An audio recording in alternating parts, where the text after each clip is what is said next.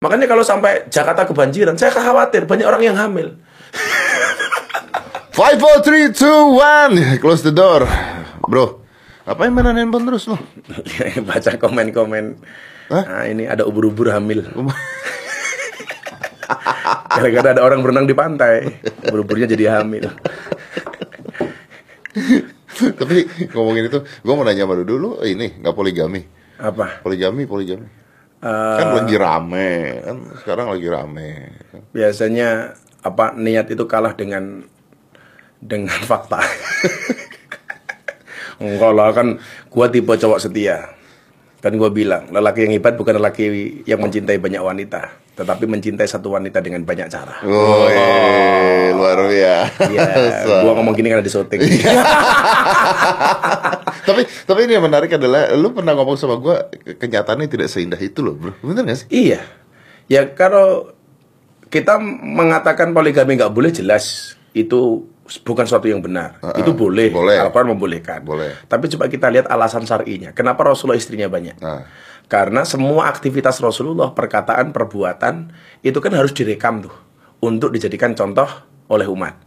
Ya kan? Makanya kalau cuma satu istri toh harddisknya nggak muat. Makanya dibutuhkan banyak istri untuk merekam semua aktivitas Rasulullah. Lah kayak gua kayak lu, ini apa sih yang harus direkam?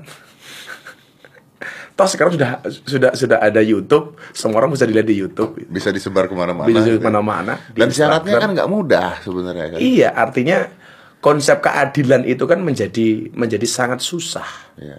Dan bagi saya eh, membaca diri saya sendiri kemungkinan saya untuk bisa adil susah. Karena coba dilihat, ini yang baru masih muda, nah, yang lama udah agak tua. Untuk membagi soal keadilan itu sudah susah, bro. Dan saya meyakini sepandai-pandainya seorang suami menyimpan istri muda pada akhirnya tetap tua. G- eh, gimana? Sepandai-pandainya seorang suami menyimpan istri muda pada akhirnya tetap tua. Tua. Makanya akhirnya terus nanti nyari muda lagi. Jadi model lagi. Makanya kemarin ada teman gue datang. Gus, gue pengen nikah lagi sama mahasiswi. Kenapa? Gue pengen rasain mahasiswi. Gue bilang, kalau lu pengen nikah, pengen rasain mahasiswi, jangan menikahi mahasiswi. Gimana caranya? Istrimu suruh kuliah lagi. Kan mahasiswi. bener, sama. Bener, Udah sama. mahasiswi, cerdas dikit lah gitu. ya artinya bahwa eh, nggak saya nggak semudah itulah orang. Dan saya pikir begini ya bro, orang-orang sekarang itu banyak aktivitas-aktivitas atau hal-hal yang aneh. Itu kadang-kadang tujuannya ya populer. buat viral. buat viral saja. Makanya orang mau viral itu sekarang saya pikir cukup dengan tiga cara lah. Yang pertama membuat masalah besar, yang kedua melawan orang besar, atau yang ketiga menyelesaikan masalah besar. Kita mau pilih yang mana? Kalau kelas kita nggak mungkin lah membuat masalah besar. Coba kita lihat orang-orang yang membuat masalah besar itu pasti kemudian di eh, endus oleh media. Semuanya karena cepat viral. Orang yang contoh, contoh yang dulu eh, di Purworejo, kas kan, keraton asu sejagat itu. itu orang yang dulu tidak kenal siapa dengan Toto akhirnya terkenal karena membuat masalah besar.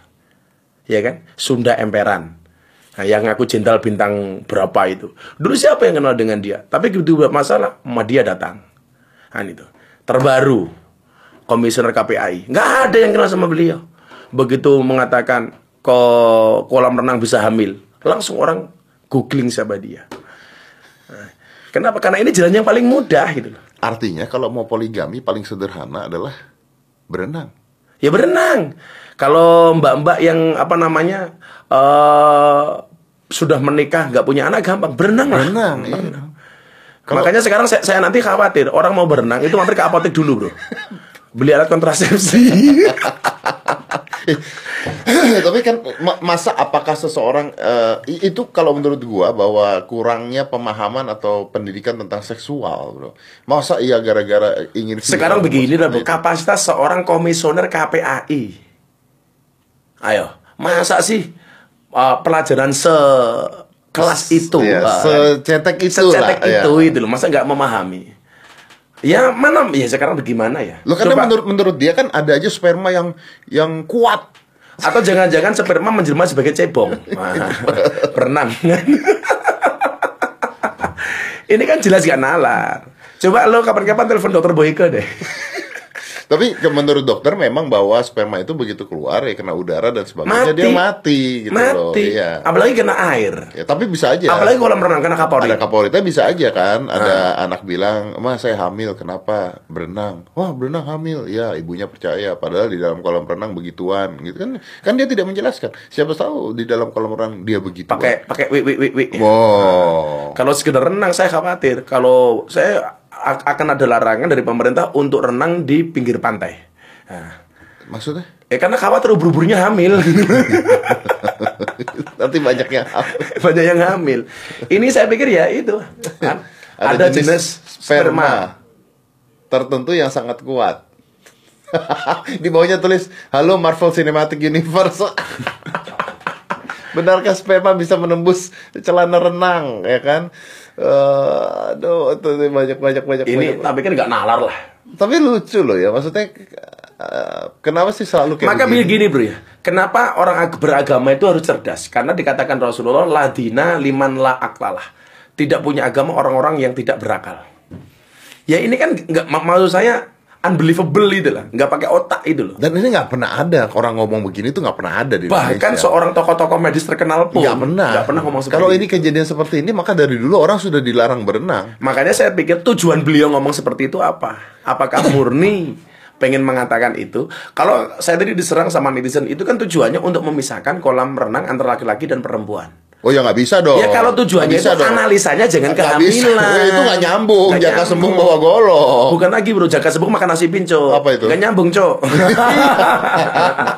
Nggak nyambung. Dong. nyambung. Akhirnya akhirnya ya orang jadi eh, kalau mau mengatakan sesuatu tujuannya ada targetnya itu tapi menggunakan sebuah ilmu sains yang tidak benar malah jadi bahan tertawa. Iya, kalau itu kan dulu pernah bilang sama saya, ini harus ada kolam renang Islami. Saya pikir nggak ada kolam renang Islami.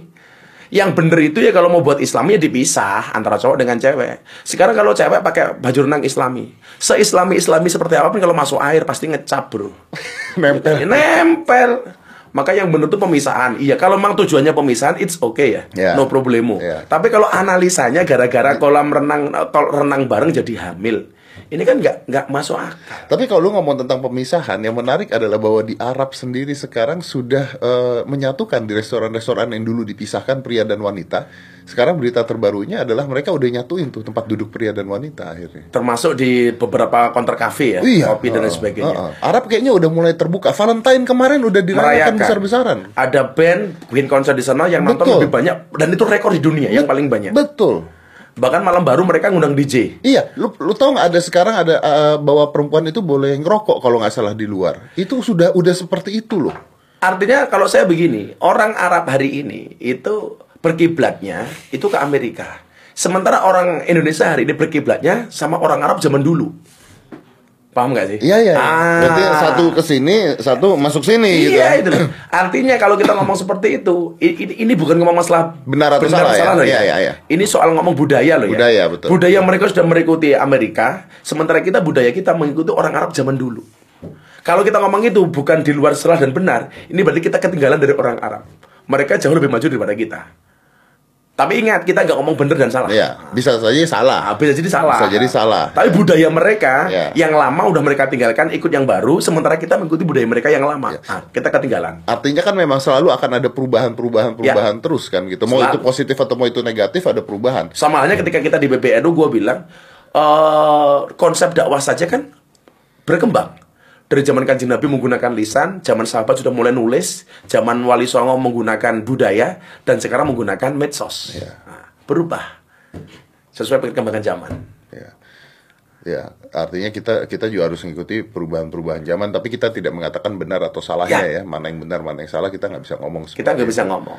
Betul, betul. Tapi kenapa? Kenapa kalau misalnya kan Indonesia dulu tidak tidak segitunya. Nah, sekarang malah Indonesia ingin ikut-ikutan Arab yang dulu. Berarti kan ada sebuah fenomena baru nih. Jadi saya melihat begini, sampai hari ini di Indonesia itu nggak bisa lepas dari politik identitas. Dan ini akan menjadi isu sampai beberapa tahun ke depan. Setiap kali ada gelaran politik, entah itu pilkada, pilbu, pilgub, atau pilpres, itu politik identitas ini pasti akan menonjol. Politik identitas. Artinya mencari tahu mereka itu siapa gitu, jati dirinya siapa, atau bingung sendiri. Orang yang tidak pede dengan jati dirinya sendiri. Kalau kita pede kan nggak perlu pakai macam-macam. Nah, Orang kita, bius. kita kita juga punya budaya yang besar loh di Indonesia. Loh, bahkan budaya kita tak pikir budaya yang paling baik di dunia lah. Maksud gue gini, kita nggak usah ikut-ikutan Arab yang dulu, Ah. nggak usah ikut-ikutan Amerika juga. Tapi Indonesia punya budaya sendiri kan sebenarnya. kan? Iya. Itu aja yang di, di- Jadi Nabi Muhammad tuh mencintai Arab karena beliau adalah orang Arab. Kenapa kita mencintai Indonesia? Ya karena kita orang Indonesia. orang Indonesia. Ya, ya, ya. Simple kan itu loh. Yang lucunya orang Indonesia tapi lebih mencintai budaya Arab daripada budaya Indonesia. Dan ini banyak. Ini kalau nanti saya ngomong begini pasti, wow kamu nggak tahu agama loh. Ini nggak ngomong agama, ini ngomong budaya. itu loh. Jadi ini bro, saya pikir yang pertama tadi adalah eh, membuat masalah besar, Ya, itu membuat masalah besar. membuat masalah besar. Maka banyak kemudian media yang datang. Yang kedua, Yang kedua melawan orang besar. Menjelek-jelekan pemerintah, menjelek-jelekan pejabat dan lain sebagainya akhirnya menarik perhatian media. Oh, ini berani nih. Dan ini sudah banyak yang seperti itu. Masih ingat kan kasus Kiai Ma'ruf Amin dibilang sudah tua bangka nyalon wakil presiden dan lain sebagainya.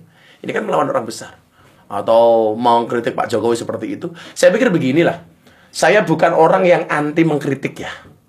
Kalau saya itu orangnya eh, kalau Al-Qur'an mengatakan maka dari anak mata wasatan Al-Baqarah 143. Itu saya pikir kita tengah-tengah saja lah, Bro.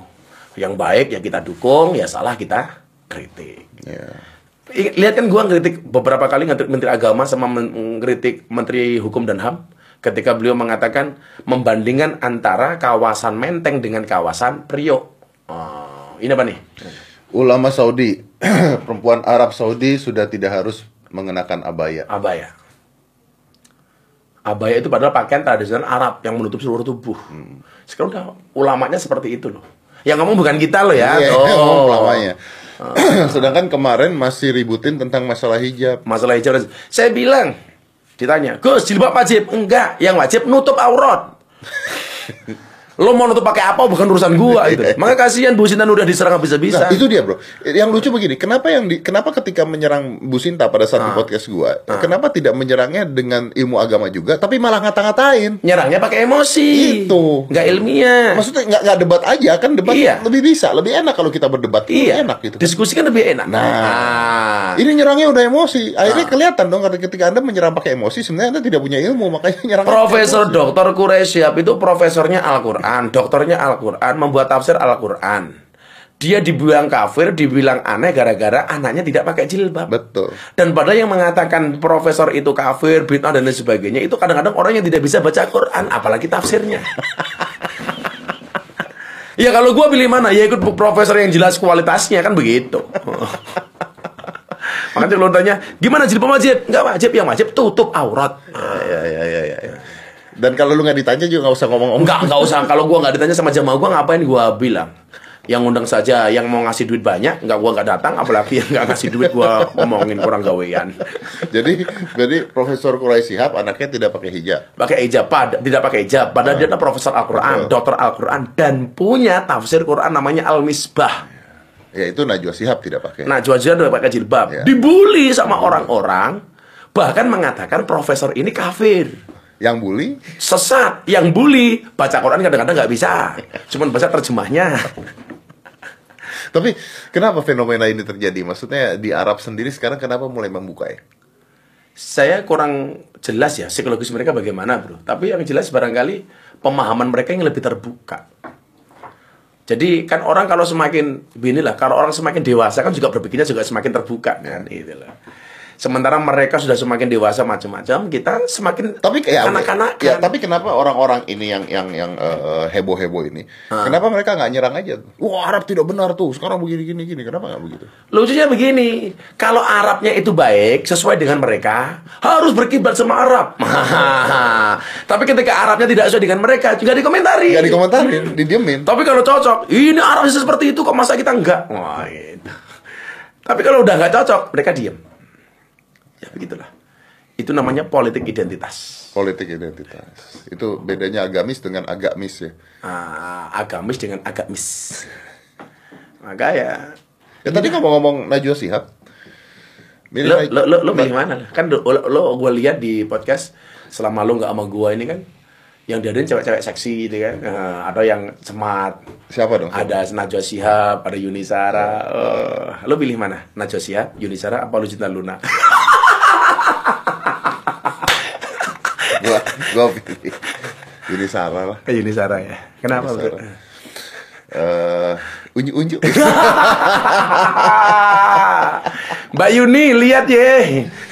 Aduh, melihat eh, melihat apa tadi judulnya itu? Ini dari dari dari Melihat Arab yang semakin liberal. melihat Arab yang semakin liberal. Oke, tulisannya adalah kalau jadi Hindu jangan jadi orang India. Ini aku ingat bro, ini ucapan Bung Karno. Oke, kalau jadi Hindu jangan jadi orang India, kalau jadi Islam jangan jadi orang Arab, kalau jadi Kristen jangan jadi orang Yahudi. Kalau jadi Katolik jangan jadi orang Italia. Ya, tetaplah jadi orang Indonesia dengan adat budaya Nusantara yang kaya raya. Ini pernah disampaikan oleh Bung Karno. Oh iya itu kan bener kan Ya, ucapan, ucapan Bung Karno. Bung Karno. Ini bener. Ya tetap artinya apa? Kita ambil agamanya bukan diambil budayanya. Ya. Makanya kalau Pak Said Agil tuh beliau kuliah di Mekah sampai S3 ya. Pak Said Agil itu. Dia bilang ambil ilmunya jangan ambil budayanya. Lah sekarang ambil budaya nggak tahu ilmunya. Wah ini banyak jadi kan persoalan. yang banyak yang begitu. sangat banyak. Dan lucunya budayanya itu budaya ikut-ikutan. Taklid, nggak tahu ilmunya. Gitu. Jadi Tapi, pertama, tapi sebenarnya tidak ada masalah dengan hal tersebut selama pemikirannya juga positif. Maksudnya gini, kalau misalnya ada orang menghina celana cingkrang gitu ya. loh saya nggak setuju loh bro. Saya masih ingat begini ya. Begitu Menteri Agama pertama kali mengomentari tentang cadar cingkrang dan jenggot, gua kan diundang tuh sama ILC, tapi gua nggak bisa datang ada acara di Malang.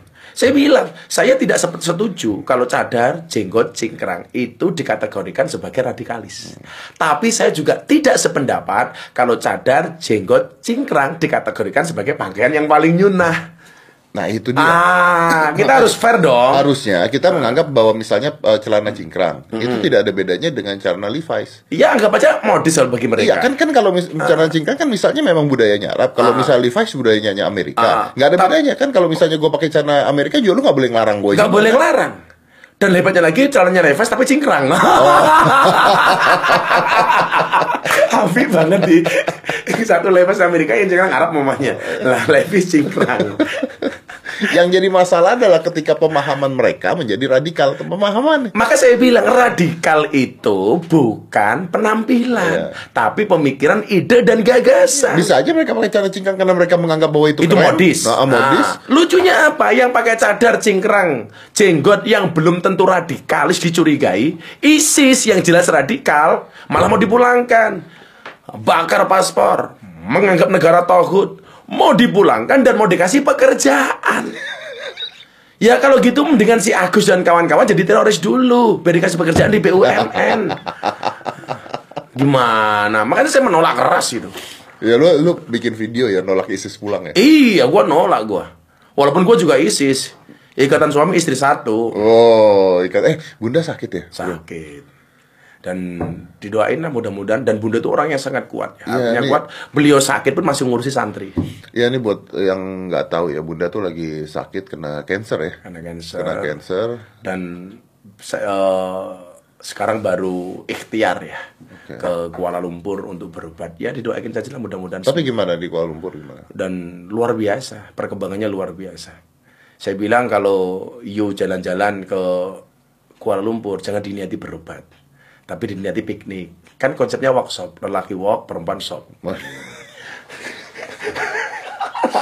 Tapi, Namanya tapi, workshop. tapi ketika lu bawa itu ke Kuala Lumpur nanti orang akan ngomong lagi kenapa nggak di Indonesia? Indonesia juga udah canggih dan sebagainya. Kenapa mesti Kuala Lumpur? Gua punya pengalaman yang sangat buruk berobat untuk istri saya selama tiga tahun.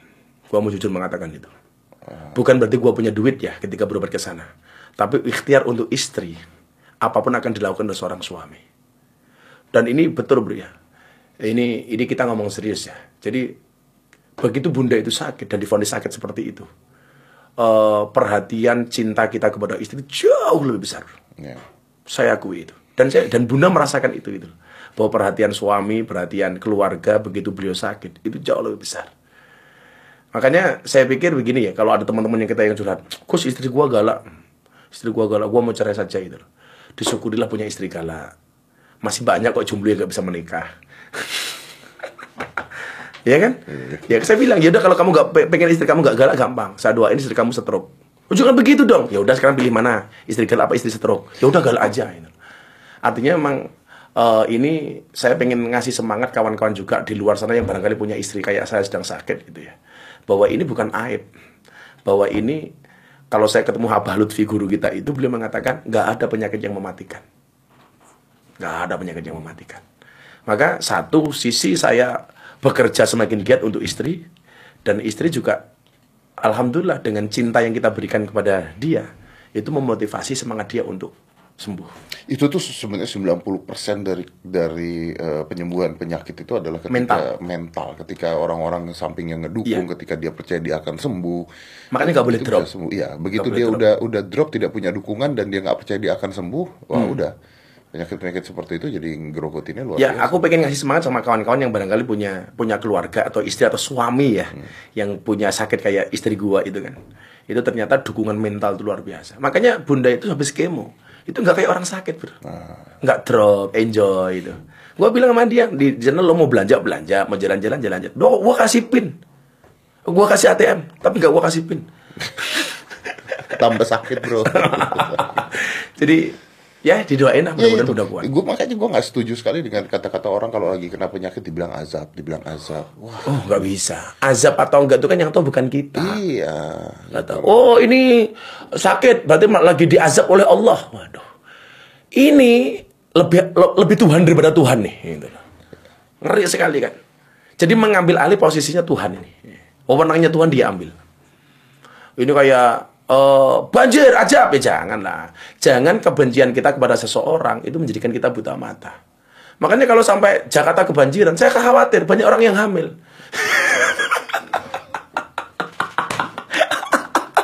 Balik lagi. balik lagi kan kasihan gitu dibilang ajab macam-macam jangan jadi sekarang kita begini Bro ya ketika tadi kembali kita ke masalah yang kedua melawan orang besar di Indonesia itu ada kecenderungan seperti ini jadi kalau kita itu sudah senang sama pemerintah seburuk apa pun dianggap baik.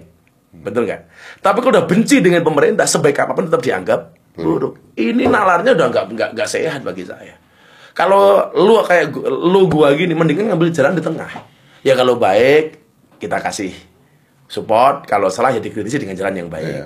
Contoh yang kemarin aku bilang ada menteri membandingkan kawasan Menteng dengan kawasan Priok. Priok itu kok ras, maka rawan dengan kriminalitas. Gua berteriak, nggak bisa seperti itu Pak Menteri. Yang kriminal itu belum tentu keras, keras tidak identik dengan kriminalitas.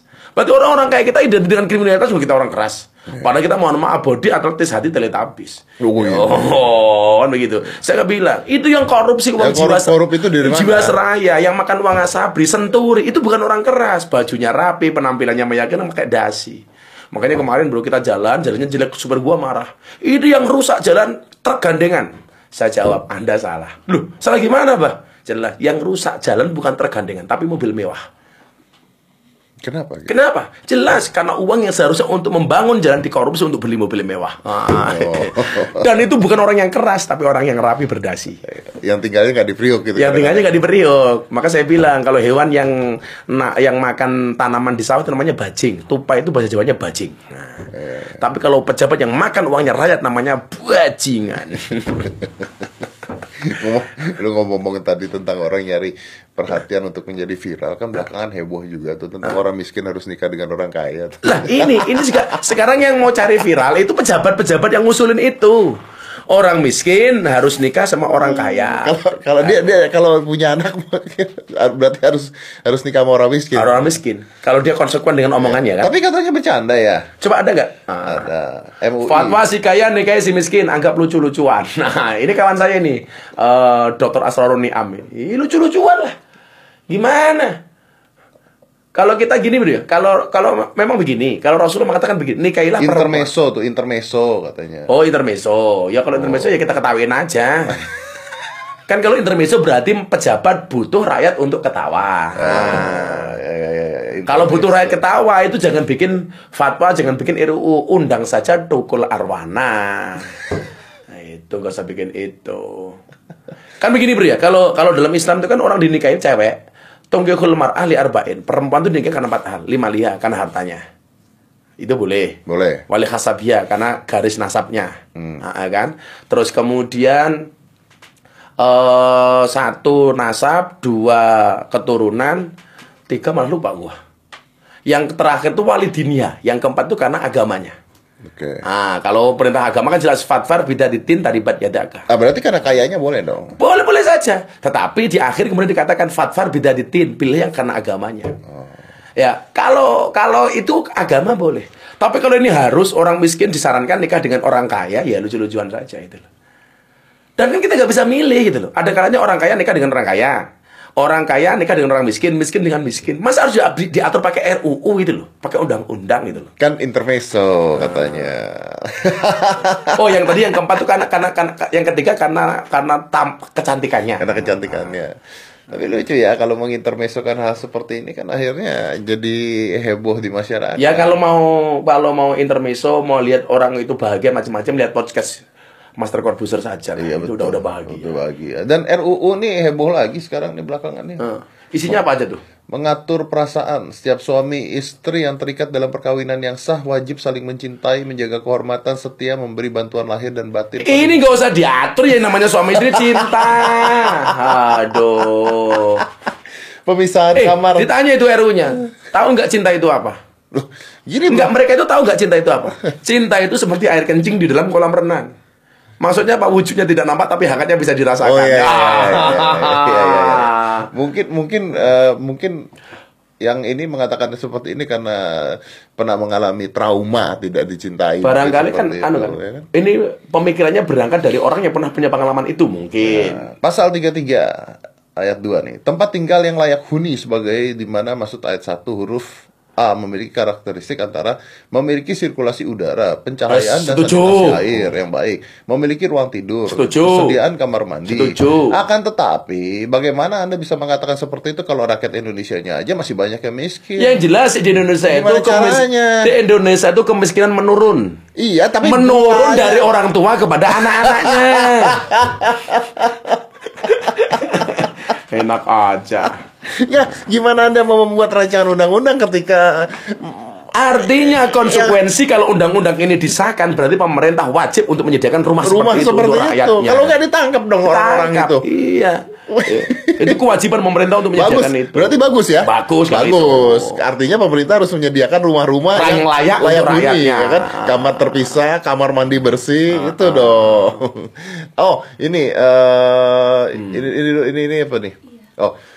Wajib lapor penyimpangan seksual. Keluarga yang mengalami krisis keluarga karena penyimpangan seksual wajib melaporkan anggota keluarganya kepada Badan Menangani Ketahanan Keluarga atau lembaga rehabilitasi. Gue pusing bacanya.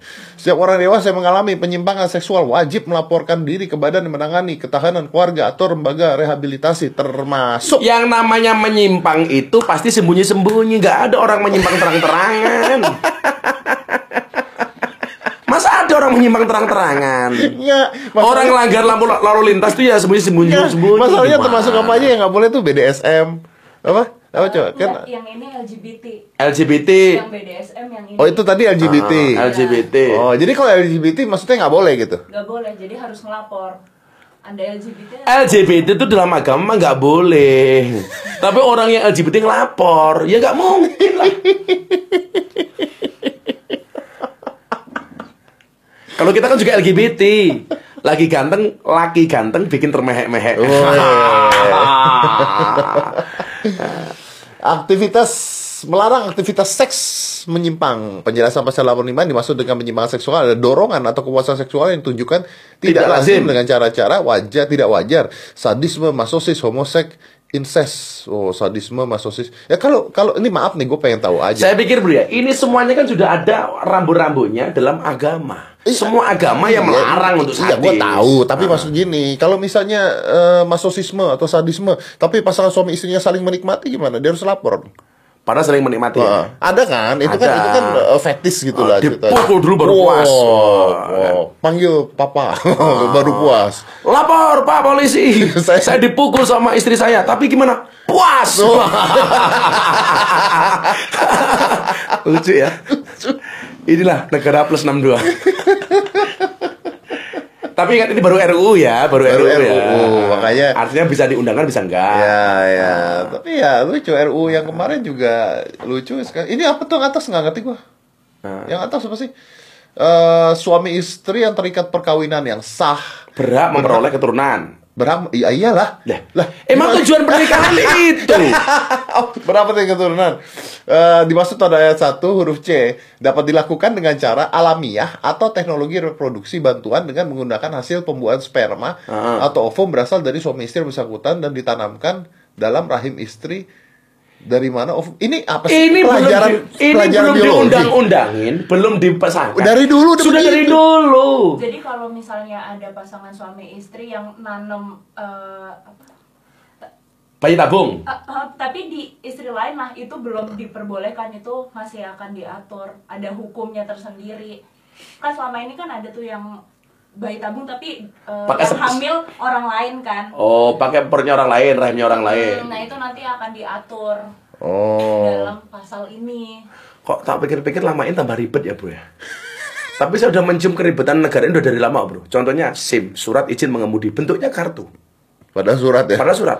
Kartu keluarga, bentuknya surat. surat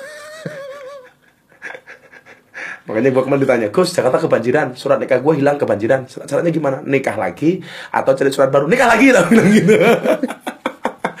Negara kok dibikin ribet begini ya. Makanya supaya tidak nomor satu, nomor dua, bro, kita jadi nomor tiga.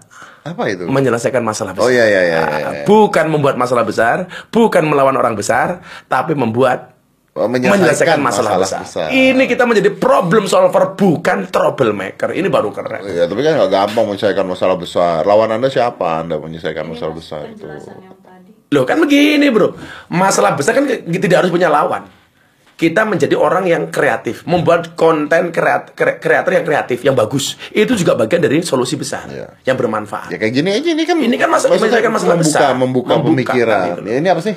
Yang Apa nih? tadi yang masalah Oh, sperma iya. dan ovum Eh, RUU menga- mengatur masyarakat menjadi pendonor atau penerima sperma maupun ovum terancam pidana penjara selama lima tahun atau di, Uh, ini, ini yang ngomong kawan kita bro Ahmad Saroni Ah, Tapi aku nggak tahu sih Oh enggak, menurut Ahmad Syaroni salah satu aturan yang menjadi Ah, ah. kontroversi. Oh donor sperma Nggak bisa loh, donor sperma itu harusnya di, di- dari zaman dulu udah ada loh bro. Ah. Kalau yang misalnya istrinya tidak bisa hamil tapi karena karena suaminya misalnya apa eh apa sih namanya mandul, ya? Mandul. mandul itu kan ada bank sperma. Ah. Lah harusnya ini menjadi tinjauan agama. Tinjauan agama. Boleh nggak seorang istri ketika punya suami yang mandul itu ngambil bank sperma yang itu sperma dari orang lain. Itu kan tinjauannya fikih akhirnya kemudian. Iya. Ah, hukum fikihnya boleh apa enggak? Lah itu perlu dibahas. Memang iya. Tapi memang bener nih kawan kita Saroni kontroversi soal donor sperma dan dan ovum. Ya barangkali mereka ya belum punya pekerjaan sih jadi ya ngurusin sperma. ngurusin sperma. Tapi kita saran kita untuk eh, untuk teman-teman di channel Master Core Booster ya, saya pikir kita belajar untuk menjadi problem solver lah. Ya, ya, ya. Saya pikir begitu. Dan ini eh, nggak harus kemudian menyelesaikan masalah itu kan bukan berarti kita harus menyelesaikan masalah orang. Tapi dengan memberikan konten-konten kreatif yang membangun untuk bangsa. Kan sekarang banyak bro orang yang berhalu ya gara-gara seperti ini. Kerja nggak mau, ikhtiar nggak mau, siap hari tidur, bikin status WA akan indah pada waktunya. Wah, Gus, bangun Gus, obatmu dan diombe, diminum. ya, bro ya, Karena udah capek. udah capek. Jadi apa? Membuat masalah besar, melawan orang besar, Atau menyelesaikan masalah. atau menyelesaikan masalah besar. Dan kita Mencoba. mencoba untuk menjadi Menyelesaikan masalah menyelesaikan masalah besar, menjadi problem solver, bukan troublemaker. Bukan troublemaker. Oke. Oke. Oke, Gus. Thank you. Eh, mau ke mana lagi lo? Ada kerjaan apa? Aku mau ketemu sama Ustadz Yusuf Mansur, kawan kita. Salam untuk lo tadi. Oh, iya, iya, iya. Salam balik sama yuk. Tapi apa pun itu bro, yang sering kita bicarakan itu keadaan kita hari ini, yang gua sering bilang sama lu, kenapa eh, lampu motor bagian depan itu jauh lebih terang daripada lampu motor bagian belakang? Nah, ya kan? Lampu motor, lampu mobil bagian depan itu pasti jauh lebih terang daripada lampu mobil atau motor bagian belakang. Kenapa? Karena saya meyakini apa pun keadaan bangsa kita hari ini, depan. masa depan kita jauh lebih cerah daripada masa lalunya. Oh, Amin. Oke, let's close it. 5, 4, 3, 2, 1. Close the door.